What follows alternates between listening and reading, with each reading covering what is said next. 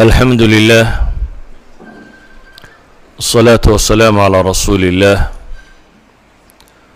اللهم وفقنا لما تحبه وترضاه وبعد فسلام الله عليكم ورحمته وبركاته n waxa aynu in shaa allahu tacaala wixii suurtagala ka tilmaami doonaa xadiidka nebiga calayhi salaatu wasalaam uu leeyahay almu'minu ya'lafu wa yu'lafu walaa khayra fi man laa ya'laf walaa yu'laf wa khayru nnaasi anfacuhum linnaas. Xadiidkaasi oo imaamu daar qutni iyo saaxibu adiyaa almukhtaar baan filayaa soo arooriyeen sheekh ilalbaanina silsiladiisa saxiix uu ku tilmaamayo. Xadiidka nebigu calayhi salaatu wasalaam wuxuu ku sifaynayaa qofka mu'minka ah iyo nooca wiyey qofka mu'minka ahi waa mid lagu soo hirto isna dadku ay soo dhoweeyaan oo aanay kahanin yacni waa qof dhaqankiisa iyo akhlaaqdiisu ay keensanayso dadku inay ku soo hirtaan oo ku soo ururaan dadka badh ayaa dadaan dadku jeclayn oo aanay u imanin amase markay arkaan isagoo soo socda ay ka weecdaan. Ama aan golahu fadhiyo aanu ahayn golo dadku ay ku soo hirtaan. Ama meeshuu deegaanka ku yahay aan cidina u soo qasdinin. Laakiin qofka mu'minkaa buu nebigu ku tilmaamaya calayhi salaatu wasalaam waa qofkaasi dadku ay ku soo hirtaan ee dadka soo dhoweeya ee soo duma iyaguna ay soo dhoweeyaan. Kadib buu nebigu wuxuu yidhi calayhi salaatu wasalaam wa khayru nnaasi anfacuhum linnaas. Waa gobolka aan xadiidka rabno caawa inaynu sharaxno. Wa khayru nnaasi anfacuhum linnaas. Dadka waxa u khayr badan buu nebigu yidhi. Dadka waxa u khayr badan anfacuhum linnaas ka dadka ugu nafci badan ugu waxtar badan. Qofka mu'minka ahi meeshuu joogaba waa waxtar. Si awgeed buu nebigu calayhi salaatu wasalaam wuxuu leeyahay dadkaba waxa ugu fiican qofka dadka ugu waxtarsan waxtarku iyo qofku waxa uu qabanayo oo la tilmaamayo inuu qofka muslimka ahi uu yahay dad oo dhan qof anfaca. Lama laha waa anfachum lilmu'miniin lama odhan xadiidka u fiirso. Wa anfachum linnaas baa la yidhi. Waa dadka qofka ugu waxtar badan. Isla xadiid labaadoo jaabir laga warinaya imaamu muslim soo saaray nebigu calayhi salaatu wasalaam wuxuu leeyay man istataaca minkum an yanfaca akhaah falyafcal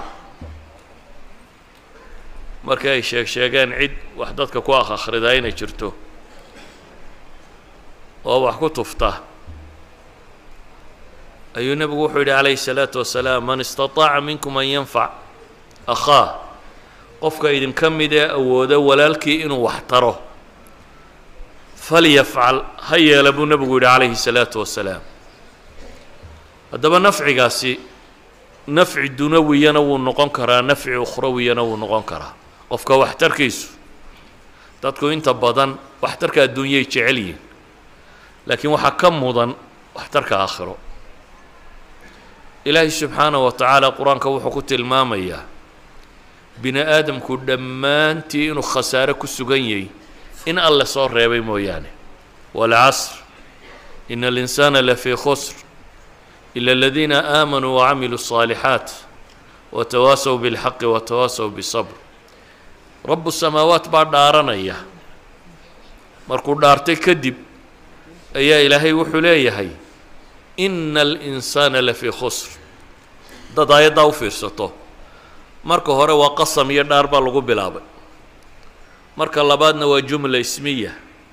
Marka saddexaadna inoo xarfu tawkiidaa lagu daray. Marka daba shanaadna maxaynu idhahnaa laan baa lagu daray.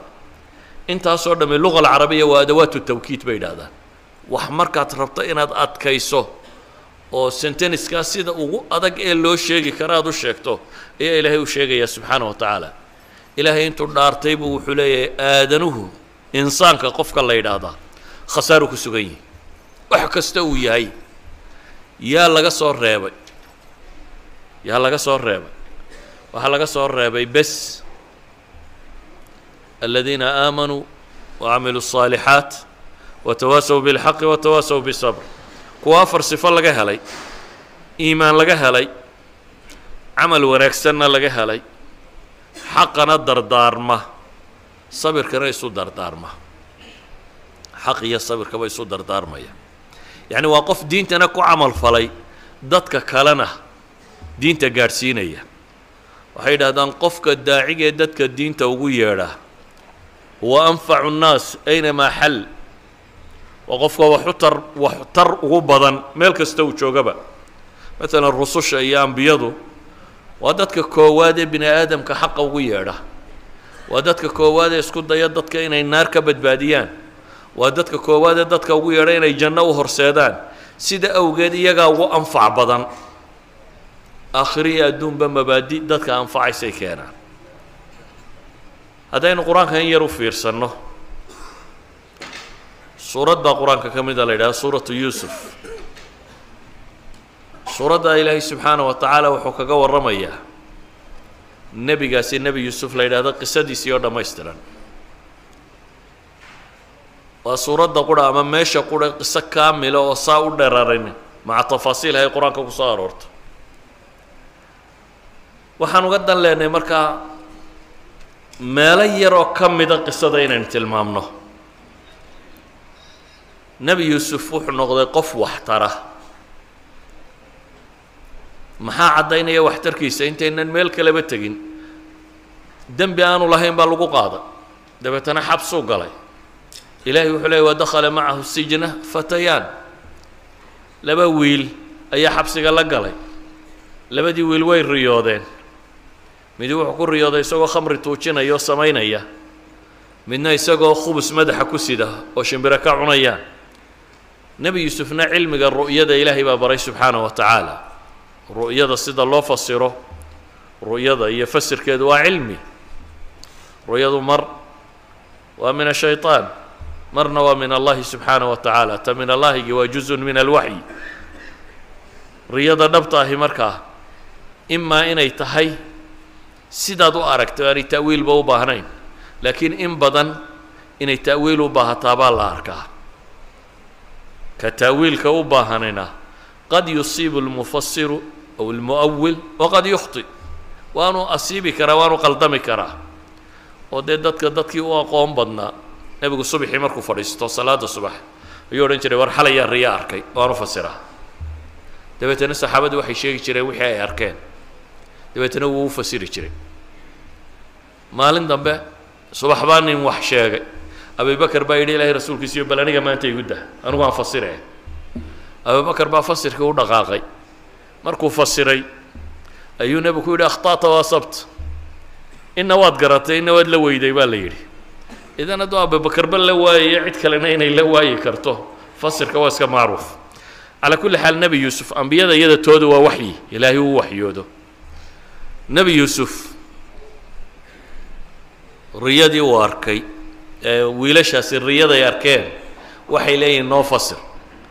Laakiin meesha aan uga dan leynay waxa weeyaan aayadda gebagabadeeda innaa naraaka min almuxsiniin bay leeyihiin isagoo maxbuusa ayaa waxay leeyihiin waxaanu aragnaa inaad tahay qof muxsinah qof ixsaan badan qof dadka hagaajiya inaad tahay ayaanu ka markhaati kacaynaa bay leeyihiin idan isagoo maxbuus ah ayuu muxsin ahaa oo maxaabiista iyo dadkan uu la xidhan yahay wanaagu sheegayaa khayr kale ka faa'iide ah uu ahaa qof muxsin oo soo dhoweynaya waxaa kaloo aad ka garan kartaa walaaladiisii godka ku riday ee dabeetana kaga tegey ee ilaahay badbaadiyey. Beri dambe ay u yimaadeen oo wada hadal dhex maray waa kii walaalkii kala hadhay dabeetana waxay yidhaahdeen yaa ayuha alcaziizu ina lahu aban shaykha wuxuu leeyahay aabbo weyn oo caynkaasi oo kaba ee noo soo daa innaa naraaka min almuxsiniin. Bay uga markhaati kacayaanayaan isagoo garanaya inay kuwii godka ku ridan yihiin ayay haddana iyagu waxay uga markhaati kacayaan inuu muxsin yahay oo iyaga uu in badan u samafalay oo u ixsaan sameeyey oo aanu waxbaba u geysan de aanu waxbaba bale inay mar labaad dulminayeen oo lahaayeen kan yare hadduu waxaday mid ay walaalahaayeen oo ka horreeyaa tuug ahaa bay leeyihiin isagii oo hortaagan yihiin in yasriq in yasriq. Faqad saraqa akhu lahu min qabl. Walaalkiisii horea tuug ahaa waana yuusufka ay la hadlayaan. Ninkay beentaasi ka sheegayaan. Haddana waxay uga markhaati kacayaan inuu isagu muxsin yahay sidan uula dhaqmay isla nebi yuusuf haddaynu qisadiisa meel kale ka tilmaamno saddexaad. Isagoo xabsiga ku jira oo dulmi ku xidhan oo dembi aan ku caddaanin lagu qaaday oo naago marmarsiiyo u sameeyeen oo ay ashtakeeyeen oo weliba la xidhay markii ay u muuqatay boqorka inuu yahay nimaan waxba geysanin. Markay u muuqatay kadib saa qur'aanku tilmaamayo ay u caddaatay nebi yuusuf inaanu waxba geysanin. Ayuu haddana xidhay iyagoo leh warkaa laga sheeg sheegay guriga boqortooyada iyo waxaa si loo ilaabo. Isagaan kayska saaro oo isagu xabsiga ha galo. Xabsigu galay. Isagii ay dulmiyeene xabsiga ku xidhnaa ayaa boqorkii riyooday. Boqorkii markuu riyoodayna xaashiyadiisii iyo dadkiisii buu u sheegay riyadii oo yidhi yaa fasiraya waxay yidhaahdeen adqaasu axlaam garan mayna baa la yidhi. Riyada tan si loo fasiro ma garan karayno. Akhiiran labadii nine uu riyada u fasiray oo midna uu yidhi waad bixi doontaa. Midna yidhi adigu bixi maysid. Kii baxay goormuu ayuu wuxuu ku yidhi war boqorkaa waxaad xasuusisaa kayskaygii dee dembi layma haysta haddana meesha waa iskaga jiraaye bal xasuusi markii uu xaashiyadii boqorkii iyo meelihii yimi waabuu iska ilaabay. Nebi yuusuf baa badkalu iska galay. Kiibaa xasuustay. Markaasuu yidhi xabsiga waxaa jooga. Nin fiican oo riyooyinka fasira. Boqor haddaad i dirto oo ninkaa ii dirta inaan u tago riyadaadii fasir baa loo helaya. Taawiilkeeda waa la garan doonaa. Markii dadkii kale riyadii garan waayeen buu yidhi balorad u tagoo soo fasir dheh waa u yimi. Waxay idhahdeen boqorkii riyadan buu arkay. Yuusufu ayuha sadiiqu aftinaa fii sabci baqaraatin simaanin yakulna ya'kuluhunna sabcun cijaafun. Waay u sheegteen warkoodii. Waxaad nooga warantaa bay idhaahdeen. Toddoba sac oo naaxnaaxsan oo toddoba engegani cunayaan iyo toddoba saabuuloo cagaaran iyo toddoba kale oo yabis ah engegan nooga warran bay idhaahdeen. Adiga hadday inta boqortooya ku xidhato dowladiyo haddana ku dulmido ay ku yidhahdaan riya noo fasir maxaad odhan lahayd? Warardoo iska taga waxba idin fasiri maaye. Ila melecdaa bay kugu haystaane. Weliba waxay intaa ka sii daran haddaad ogtahay riyadu inay sheegayso inay jabayaan maxaad yeeli lahayd inay jabayaan nebi yuusuf muu odhanin war gaalatiinay dhaafa. Muu ku odhanin war waa nimankii i dulmiye waxba idin fasiri maayo iska taga. Muu ku odhanin intaanan idin fasirin xabsigayga sii daaya muu odhanin horta kayskayga ka warrama. Ee bilaash isagoo aan waxba kale ka codsan waxna samaynin ayuu riyadii u fasiray weliba wuxuu u sheegay khidadii uu ku badbaadi lahayd waddanka masar markaasi oo uu deganaayey shan iyo toban sano nidaamka dhaqaale ee waddankaasi ku badbaadi karaa buu nebi yuusuf ka warramay wuxuu yihi toddoba sano oo barwaaqaa baa idin soo maraysa. Toddobadaas sano wixii aad beerataan waxaa cunaysaan mooyaane waxa kale sideeda kayd ugu dhiga. Ha taabanina toddobadaas sano sanad walba barwaaquu noqon. Raashin fiican baa idin go-i doona. Waxaa aa beerataan inta yaraa cuntaan mooyaane inta kale kaydiya. Toddoba sannadood kaydkiinu ha socdo. Waxaa ka dambayn doona buu yihi toddoba sannadood oo abaar ah oo aan waxba idin bixi doonin. Toddobadaasi waxaa cunaysaan wixii aa kaydsateen toddobadii sannadoodee hore kadib waxaa iman doona buu leeyahy caamun fiihi yuqaahu nnaas. Sannadaa barwaaqaysan doontaan. Oriyada wixii loo sheegay waxay ahayd toddoba iyo toddoba sac iyo toddoba sac ama toddoba saabuul iyo toddoba saabuula hadday afar iyo tobanka ahayd sanadka shan iyo tobanaad xagguu ka keenay. Waxay culimmadu yidhahdaan dee haddii toddoba barwaaqaa la sheegay oo toddoba kaloo abaara la sheegay dee waxaa ka dambeeya waa inuu noqdaa sanad barwaaqo ah? Ilaa haddii kale waxaa la odhan lahaa sideed abaaraa ku xigayse nebi yuusuf markaa wuxuu u sheegay shan iyo toban sannadood khidadii ama balaankii waddanku uu kaga bixi lahaa abaarta iyo dhibta buu sheegay. Waxna kama dalbanin waxna muu weydiisanin waxay tilmaamaysaa qofka muslimkii inuu yahay qof waxtara waxtar buu yahay hadduu dhul gaaleed joogiyo hadduu dhul muslim joogaba. Hadduu dad muslime la nool yahay iyo hadduu dad gaala la nool yahayba waxtarkiisa koowaad oo ugu muhiimsani waa inuu dadka naarta ka badbaadiyo. Waxtarka koowaad waa inaad dadka diinta u sheegtid waa inaad dacwo ugu yeedhid. Waayo qofka noloshiisa adduunya ta aakhiraba waad badbaadinaysaa haddaad jidka quman tusto. Waxtarka labaadna wixii adduunye aad tari karayso ama caqliga aad ku kordhin karayso waad ku kordhinaysa. Muslimku gaalka o dham isku mid maaha. Gaalka muxaarabka aad dagaal iskula hortaagantihiina dee goob dagaala joogtaan waa masalo. Laakiin kaa wada degantihiin aan dagaal idinka dhaxaynin in wax la taro lama diidana. Si awgeed buu nebi yuusuf gaaladii xidhatay ee uu la deganaa waddankaa dadka ku nool oo dhan si uu u badbaadin karo ayuu u sheegay khudadii ay ku badbaadi lahaayeen bale waxaad garan kartaa xadiidka bukhaari warinayo. Markii muslimiintii maka joogtay gaaladu ay dhibtay. Aada dhibaatadu ugu badatay. Ayuu maalintii dambe abibakar is yidhi hijrood dhulka xabashida iyo meelahaas ka qabo. Maku ka baxa. Meel barkil khamaad la yidhaahdo markuu marayo ayaa waxaa la kulmay ibnu duqina nin la yidhaahdo ninkani waa odaygii qabiilo qaarna la yidhaahdo mushrikiina. Qabiilo gaaleed ayuu yahay suldaan ama ugaas ama caaqil waxaynu sheegno. Ninkii baa wuxuu ku yidhi abibakar buu gartay. War abibakarow ayna turiidi ya abibakar buu yidhi. Xaggaad ku socotaa. Abibakar wuxuu yidhi akhrajanii qowmi tolkay baa i soo saaray. Maka kamaan baxeene tolkay baa i soo saaray. Dabeetana waxaan rabaa dhulkaa ilaahay inaan iska socdo rabbi caabudo. Saa'ix inaan noqdo. Saa'ixa waxaa la yidhahdaa berigii hore waxaa jiri jiray dad cibaado isaga baxo safra oo meel ay u socdaan oo gaari aanay jirin. Iska dhaqaaqa un waxaan rabaa buu leey inaan saa'ix dhulka ilaahay ku noqdo oo ilaahay carrigiisa ku caabudo.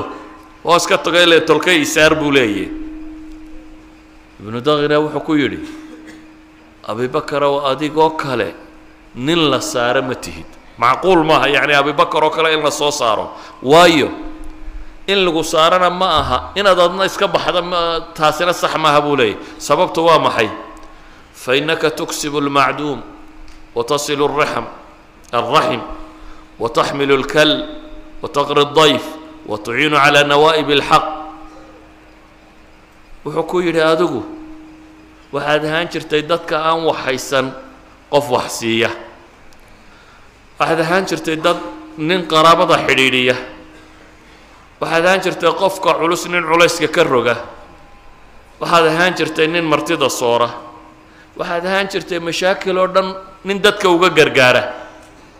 Abibakar markaa maxaa lagu sifaynaya?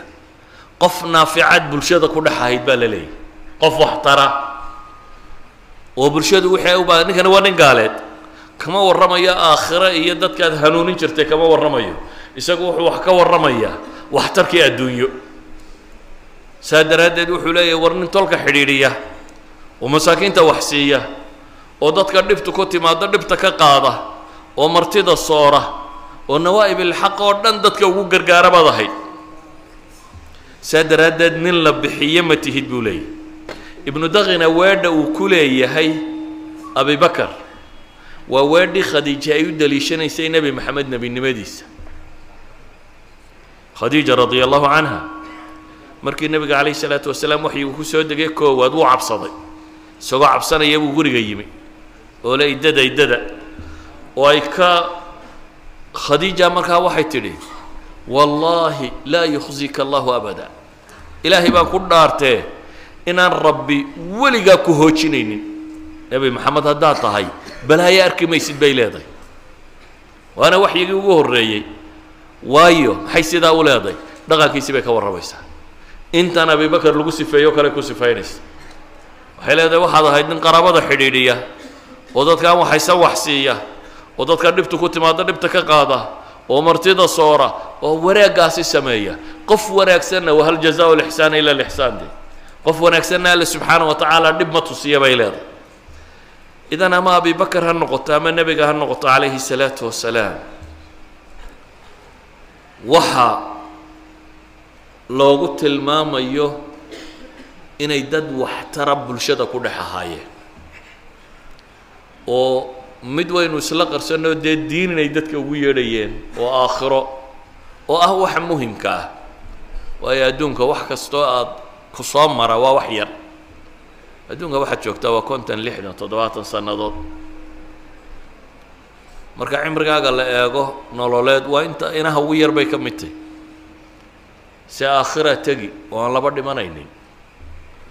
Qofka aakhiro sababtiisa ilaahay kugu badbaadiyaa waa kaaga nafci badan yahay dunida ciddii wax ku tartoo dhan. Waayo dunida waxay ku tareen waa wax lixdan sano un lagu badbaadaa bay ahayd. Haddiiba ay wax weyn ku tareen. Laakiin qofka aakhiro ku badbaadiya waxaad ku badbaadda kuu sheegay ama kuu tilmaamay ama ku tusiyey noloshaadii dhabta ahayd buu badbaadiyey. Cadaab ilaahay buu kaa badbaadiyey. Nolol aan dhammaan lahayn ayuu khayrkeeda ku tusay sharkeedana kaa badbaadiyey. Idan qofka muslimka ahi waa qof dadka inuu badbaadiyo aakhiradoodi iyo adduunkoodaba ku dadaalaya. Nebi moxamed calayhi salaatu wasalaam dadkii u shaqeeyey waxaa ka mid ahaa wiil yaroo yuhuudiya. Wiil yaroo yuhuudiya. Ayaa nebiga shaqaalihiisii ka mid ahaa dabeetana maalintii dambe waxaa loo sheegay wiilkii inuu xanuunsanayo oo gurigii aabihii uu jiifo. Nebigu calayhi salaatu wasalaam wuu soo baxay. Dabeetana gurigii wiilkuu yimi wiilka madaxiisuu fadhiistay. Wiilku aada buu u xanuunsanayaa marka. Nebigu wuxuu ku yidhi calayhi salaatu wasalaam wuxuu arkay inuu sii socdo. Aslim buu ku yidhi war yaa wiilow war islaam wuxuu ka cabsanayaa nebigu wiilkaasi intuu gaalnimo ku dhintay inuu cadaab gala de dabeetana wuxuu ku leeyahy nebigu calayhi salaatu wasalaam war islaam. Wiilkii markaa aabbihii buu eegay. Aabbihii baa wuxuu ku yidhi aطic abalqaasim maqal wuxuu nebi moxamed kuu sheegayo. Yuhuudda iyo dadkii waktigaa noolaa nebi moxamed calayh isalaatu wasalaam inuu nebiya cid waliba waa garanaysa. Laakiin dana iyo masaalix kale iyo wax kaloo ilaashanayaan bay u diidanaayeen. Waxaad ka garan kartaa kuwii ugu waaweynaaye ka soo horjeeday muxuu aha abujahl abujahl culamaai taarikh waxay soo naqliyaan inuu lahaa. Reer banu hashimi annagu waanu beretami jirnay laba qabiilo loolamaanu ahayn. Waxbay bixiyeeno waxbaanu bixinay kanbay sameeyeen wax waloo sameeyeenba waa la samaynay buu leeyahy nagamay badinin. Haddaanu reer banu makhzuum nahay nagamay badinin. Reer bani cabdimunaafkani ama reer bani hashimkani nagamay badin. Ilaa ay markii dambe sheegteen buu yidhi nebi baa naga mid ah. Haddaanu anagu nebi weyne buu yidhi wallaahi baa nankooda u rumaynaynin abijahl wuxuu naarta la galay qabiil buu difaacayay suu reer u difaacayuu naar galay. Reer hebel hadday nebi heleen buu leeyahay annaguna aanu nebi weynay. Kooda raaci mayno haddii aanan nebi helaynin. Ee nebigu calayhi salaatu wasalaam markaa inuu nebi yahay dee mucjizaadkiisii baa muuqday dhaqankiisii baa muuqday akhlaaqdiisii baa muuqdatay waxyiga ku soo degayaa muuqday. Cid waliba waa garanayso aragtaa inuu nebi yahay.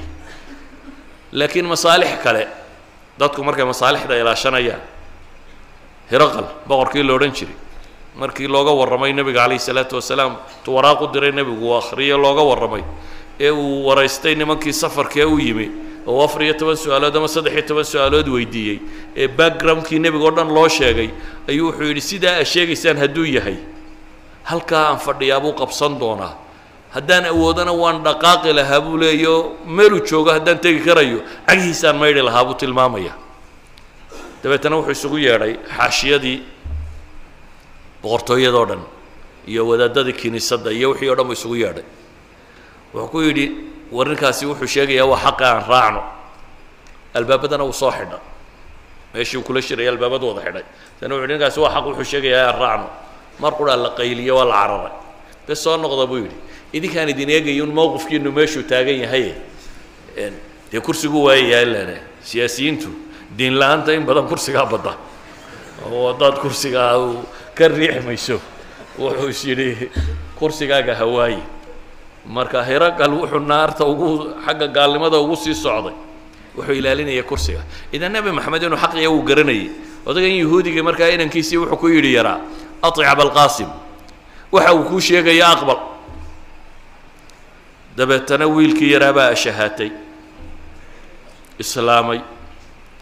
Nebigu calayhi الsalaatu wasalaam uu ku farxay markaa islaamnimada wiilkan yara wuxuu leeyahy alxamdu lilahi aladii anqadahu min annaar. Waxaa mahadle aan mahadinaya waxaan ammaanaya ilaahay kaa yar naarta ka badbaadiyey. Wiilkaa u shaqaalaah buu nebigu wuxuu kala cabsi qabay inuu naarta galo. Idinku kuwa idin shaqaalaha maxaa ku samaysaan wax diinta u sheegay miyaa leedin mise waxaad tidhaahdaan markay sii baxaysana sii baadh inta kalena ha shaqaysa yani materialkun baa ka fekertaan waxay dadkan inaa badbaadisaan hadduu kaa soo hor baxo qof bini aadan oo gubanayo dab sudan yahay maxaad samayn lahayd waxaad isku dayi lahayd inaad demiso socankaa ma aha qof bini aadan oo gubanaya hadduu kaa soo hor baxo asaad baktiin karto waxaad isku dayi lahayd inaad inaad demiso qof bini aadam oo indhale hadduu kaa soo horbaxo god daba ku socdo maxaad yeeli lahayd? Meeshanoo dab ka shidan yahay. Labada indhoodna ula iyo uu ku sii socdo maxaad samayn lahayd? Waad ka qaban lahayd. Xataa haddaanad ka qaban karin waad qaylin lahayd. War ka joog ka joog baad odhan lahayd. Waayo waxaad ka naxaysaa qofka bini aadamku inuu meesha ku dhaco. Kuwa naarta ku sii socda waa sidaa. Dadkan aad arkayso ee gaalnimada ku sii socda waa indhalaayiin meel adagna waa ku socdaan waxayd inaad diinta u sheegtaan oo anfacdaan aakhiradoodi iyo adduunkooduba markaasuu anfacmaya wiilkaa yar nebi moxamed calayhi salaatu wasalaam wuxuu ka dadaalayay inaanu gaalnimo ku dhimanin dabeetana intuu gurigoodii ugu tegay isagoo bukoo jiifa ayuu wax u sheegayay innaguna kuwii gurigeenna joogay baynu wax u sheegi kara laanahay kuwii gurigeennaba joogay daa inaynu gurigooda ugu tagnee ayaynu wax u sheegi kara laanahay idan ayuha alaxiba qofka muslimka ah waxaa la rabaa inuu qof naafica noqdo qof waxtara inuu noqdo. Muslimku inuu wax matare noqdo maaha. Inaydin meesha u timaadaan dadka jeebabkoodu inayna baadhataana wixii lacaga inta gurataan inaa iska tagtaan dabeetana maaha muslimku kaa caalamulislaami duni maanta waddanka maanta muslimiin ugu badan. Niman tujaaroo muslimiin baa tegay inoo diinta u sheegay oo islaamiyey soo waddan indonesia la yidhahdo maydan maqal ama dadkan malayga la yidhaahdo waa dhowr boqol oo milyan xawaaley saddex boqol oo milyan waddan muslim oo ka badani ma jiro waddannada muslimiinta o dhan iyaga ugu badan maca dalik jihaadna laguma furanin cid kalena ma tegin waxaa la yidhaha niman tujaaro muslimiin baa tegey dabeetana nimankaa dhaqankoodii iyo akhlaaqdoodii iyo waxsheegoodii unbay ku islaameen idinku idinkoo tujaara maba idan imana idinkoo faramaran baad timaadeen markaa lacagtii ka ururiseen ma u sheegteen markaa war islaama oo ilaahay diintiisa qaata oo qofka muslimka waa in waxtar noqdaa waa in wax laga faa'iidaa. Haddaad wax adduunye ku kordhin karta ku kordhi. Haddaad wax aakhiro ku kordhin kartana ku kordhi. Weliba midna waan kuu sheegaya. Alcibaada almutacadiya baa ka nafci badan alcibaada alqaasira cibaadada gudubta ayaa waxay ka fadli badan tahay cibaadada kooban ee gaaban. Maalan adigu maalintii mise salaadood baad tukan kartaa. Shantaada faralka iyo waxoogaa sunnayaale bes soo intaa maaha waxaa jirta dariiqo kale o aad salaado badan u tukan karto. Midaan tukan haddaad salaada u tilmaamto uu tukado markuu shantiisa tukadaba adna shan kalea lagu qoraya toban baad tukataa marka adigu haddaad afar diinta ku soo darto waxay shaqaystaan oo dhan iyagana waa loo qoraya adna waa lagu qoraya la adaa sababaya. Maanta nebi moxamed calayhi salaatu wasalaam qof kastoo islaama intuu ajar leeyahy in leeg buu leeyahy waayo isagaa sabab inoogu ah inay diintani maxay? Inay soo gaadho. Saxaabada maxaynu u leenahay rag la gaadhaya maaha. Dee diinta iyagaa soo xambaaray. Wixii muslim ka dambeeyo o dhamme waxay shaqaystaan. Saxaabadaa gaadhsiisay miisaanka saxaabaday saaran yihiin culammadii waaweyneed imaamu shaafici wixii madhabkiisa ku dhaqmay oo dhami isaga miisaankiisay saarmayaan. Idan qofka muslimka ahi qaab labaada uu cibaadaysan karaa jiroo ah cibaada mutacadiya inuu la yimaado inuu qofkan sabab ugu noqdo inuu khayrka sameeyo. Nebigu calayh isalaatu wasalaam wuxuu tilmaamayay man dalla calaa khayrin falahu midlu ajru faacilih ninka dadka khayrka u tilmaamaa wuxuu la mid yahay baa la yidhi. Sidii kii sameeyey. Haddaad wanaag dadka u sheegto in leeg baad leedahay. Keebaa idiin roon markaa inaad waxoogaa xoolaa heshaan iyo inaad waxaa soo ajaro heshaan. Inaad waxoogaa xoolaa helno ayaa laga yaabaa waktigeenna inta ugu badan le inaynu ku bixinno. Ajarku waa iska shan salaadoodoo qallalan oo aan in badan ba ilaahay la xusin. Salaadana waxaa la aqbalaa un intaad ilaahay ku xusto. Nabigu calayhi salaatu wasalaam waa ka tilmaamaya qof baa tukada. Dabeetana aan salaadiisa lahayn ilaa tusucaha humunuha wuu soo waday nebigu. Qaar baa toban meeloodoo meel leh sagaal meeloodoo meel leh siddeed meeloodoo meel leh waa la soo waday. Idan isku mid ma nihin. Mid baa ten percent leh twenty percent thirty percent qofba inbuu ajar helaya. Saf qurana waa ku wada jiraa qof walba ajarkiisu wuxuu ku xidhan yahay. Inta uu iimaankiisa iyo soo jeedkiisa iyo xusku ilaahay xusaya uu yahay.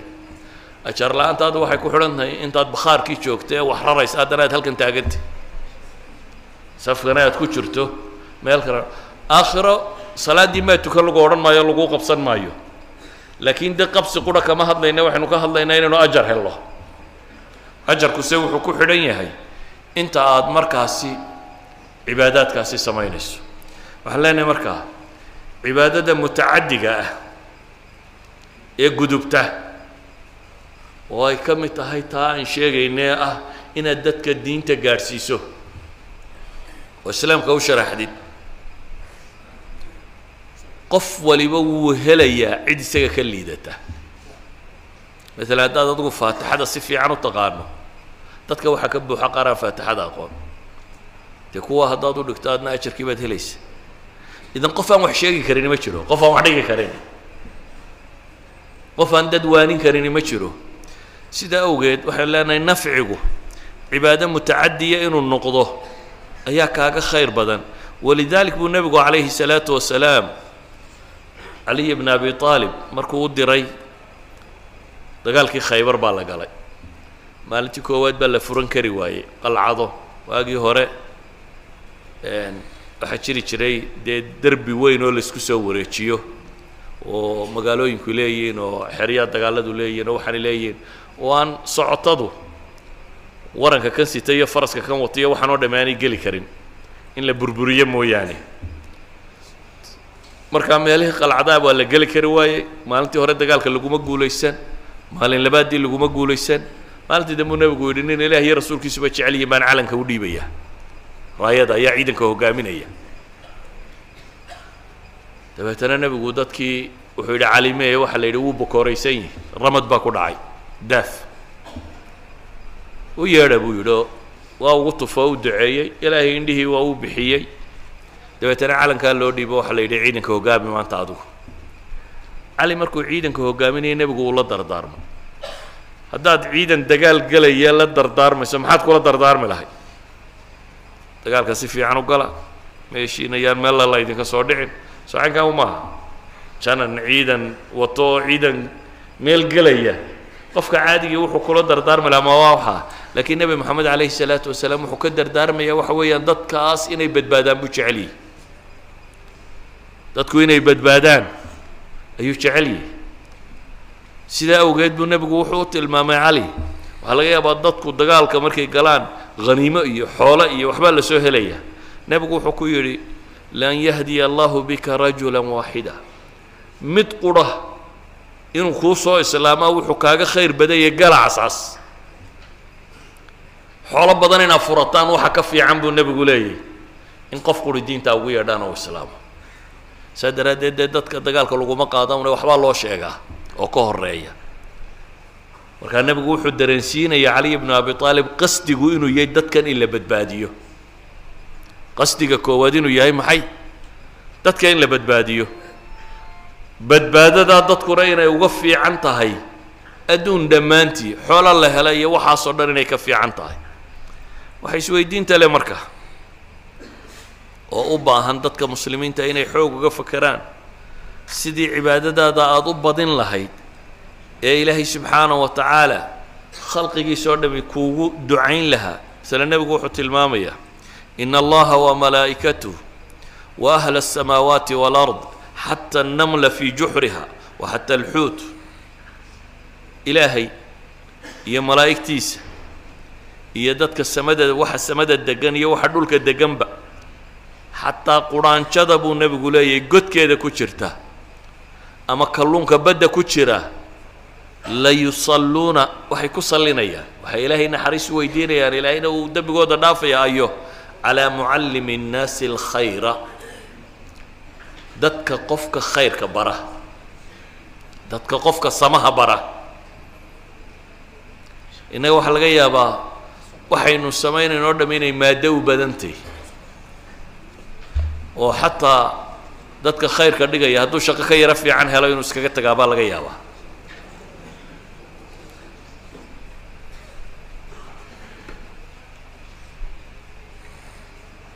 Tenshankiina sii jeeda marka soo galo sheekhu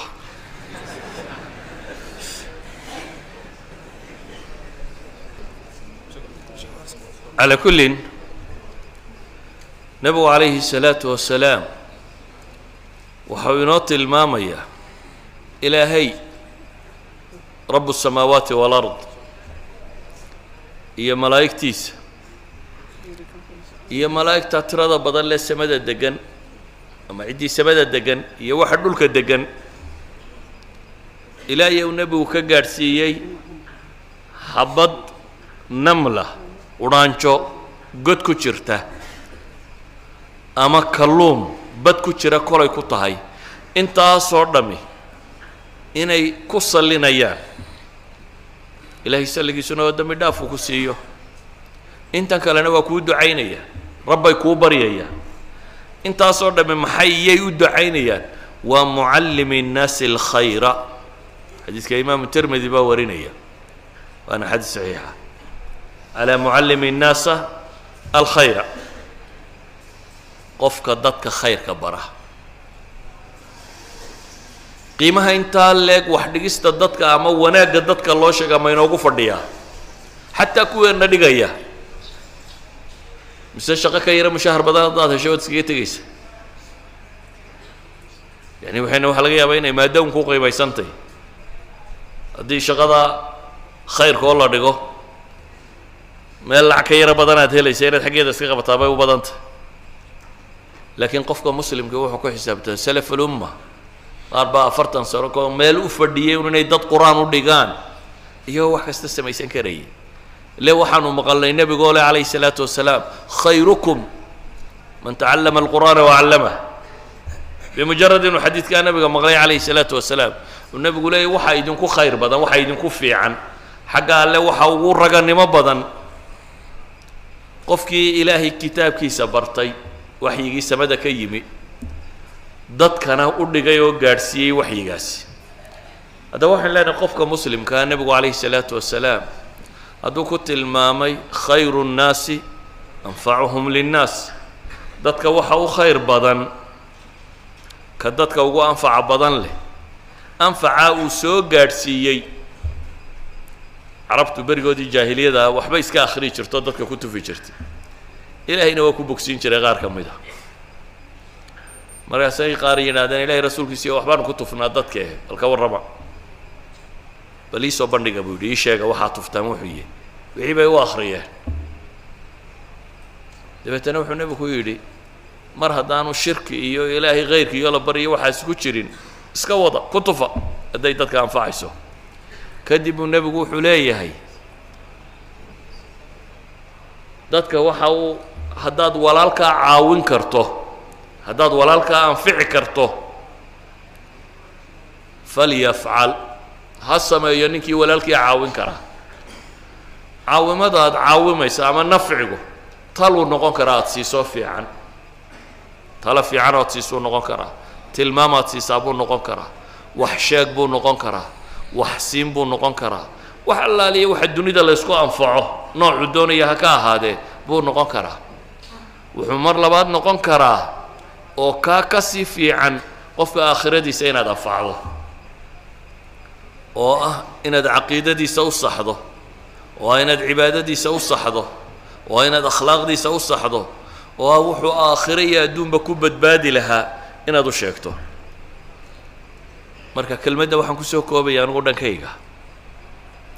Hadduu nebigu yidhi dadka ninkaasa u anfac badan ambiyadii iyo saxaabadiibana laga tilmaamayo dadka inay anfici jireen fii dunyaahum wa fii ukhraahum.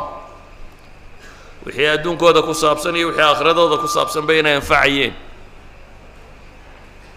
Dadkiina dhulkan joogaa waxaa laydinka baahan yahay xoogsiga lacagta quri inaanu idiin muuqane xoogsiga aakhiro inuu idiin muuqdo. Oo aakhiradiina inay u xoogsataan. Xoogsigii ugu fiicanee aakhirana waa inaad diintaa xambaartaan oo faafisaan oo muslimkana gaadhsiisaan. Kuwaan muslimka ahaynna aa gaadhsiisaan oo ilaahay diinteedu diintiisu ay faafto saasaad adiguna ajarka ugu badan ku helaysaa.